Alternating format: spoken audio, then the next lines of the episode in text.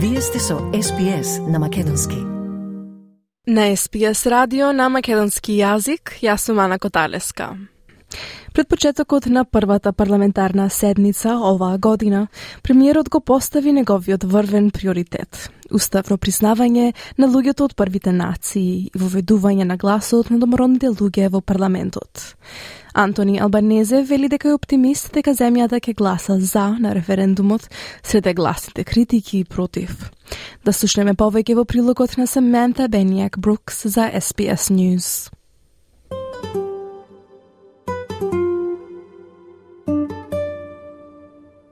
Во говор на конференција на истражувачкиот центар Чифли во Канбера, премиерот Антони Албанезе се обиде да обезбеди поддршка за референдумот подоцна оваа година, кој бара признавање на домородните луѓе во уставот и воведување на домородниот глас во парламентот. Господин Албанезе рече дека австралиците сега имаат можност да го модернизираат уставот. Тој вели дека референдумот ќе обезбеди две работи: признавање и консултација. If not now, when?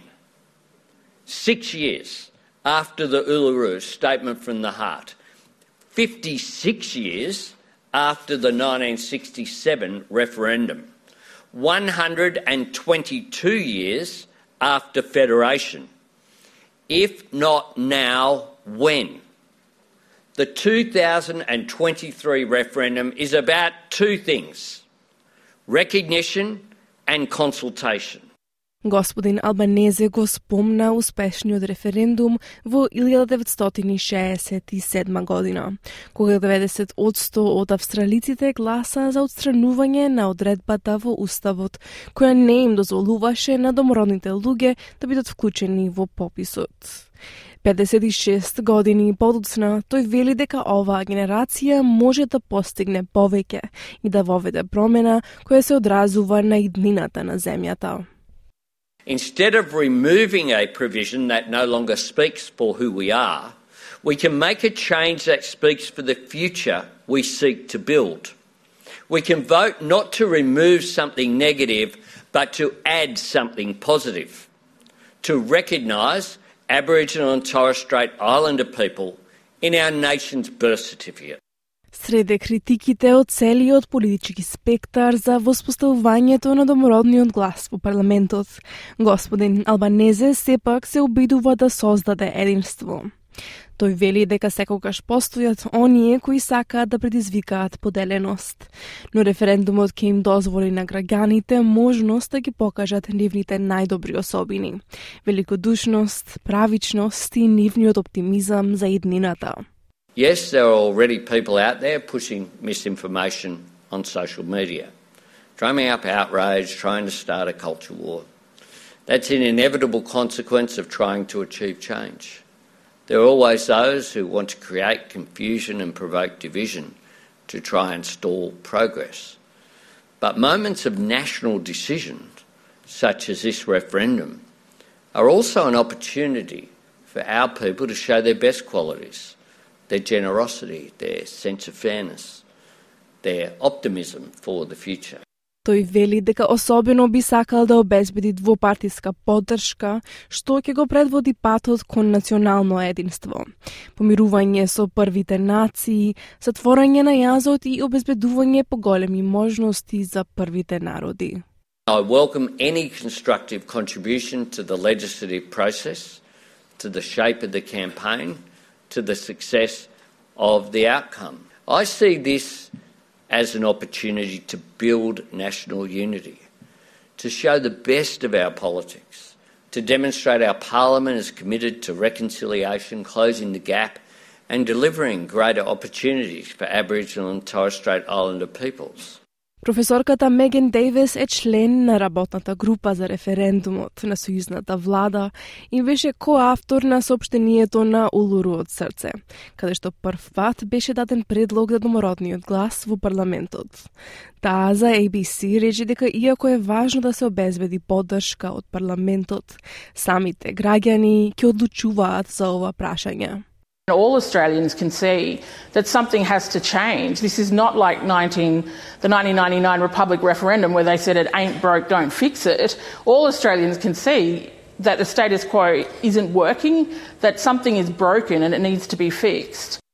Но опозицијата останува непоколеблива, со тоа што либералната партија се уште треба да го најави својот став, додека националните се против. Портпаролот на коалицијата за домородни прашања Джулиан Лисер ги бранеше барањата на водачот Питер Датен за повеќе информации за тоа како точно ќе функционира домородниот глас во парламентот. Тој вери дека тоа се прашањата што ги прашуваат австралиските граѓани. The questions that Peter Dutton put forward are questions that he's been asked by Australians as he's travelled round. They're questions I've been asked uh, uh, by Australians as I've travelled round. And we think they are questions that will continue to be asked throughout the referendum campaign. Господин Лисер, кој го поддржуваше гласот, вели дека е разочаран од коментарите на премиерот. Според него, премиерот го претворил домородниот глас во политичко прашање, кога зборувал за културни војни. He's made this issue into a political one by talking about culture wars. The Prime Minister needs to convince, not castigate.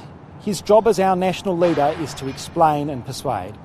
Господин Албанезе повтори дека гласот нема да има законодавни овластувања или овластувања за вето. Тој исто така ја отфрли загриженоста покрената од сенаторката на Зелените Лидија Торп, дека воспоставувањето на гласот ќе влијае врз суверенитетот на домородните луѓе. Зелената партија се подготвува да го објави својот став оваа недела.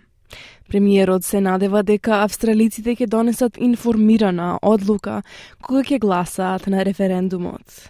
Тој вели дека референдумот ќе биде национален подвиг со кој сите австралици ќе можат да се гордеат. I've always been optimistic about the character of the Australian people. The voice will be a national achievement in which every Australian can share. To campaign for it to vote for it, importantly, to celebrate its success, to play their part in a historic step forward for our country, to embrace a better and fairer and more respectful future, to add their vote and their voice to the message we send to the world about our modern nation, our maturity, our unity, our commitment to reconciliation. Тоа беше премиерот Антони Албанезе, кој ги повикува австралиците да ја одиграат својата улога во, како што вели, овој историски исчекор на земјата, односно во ведувањето на домородниот глас во парламентот и запишување на првите народи во Уставот. Стиснете, ми се допаѓа, споделете, коментирајте.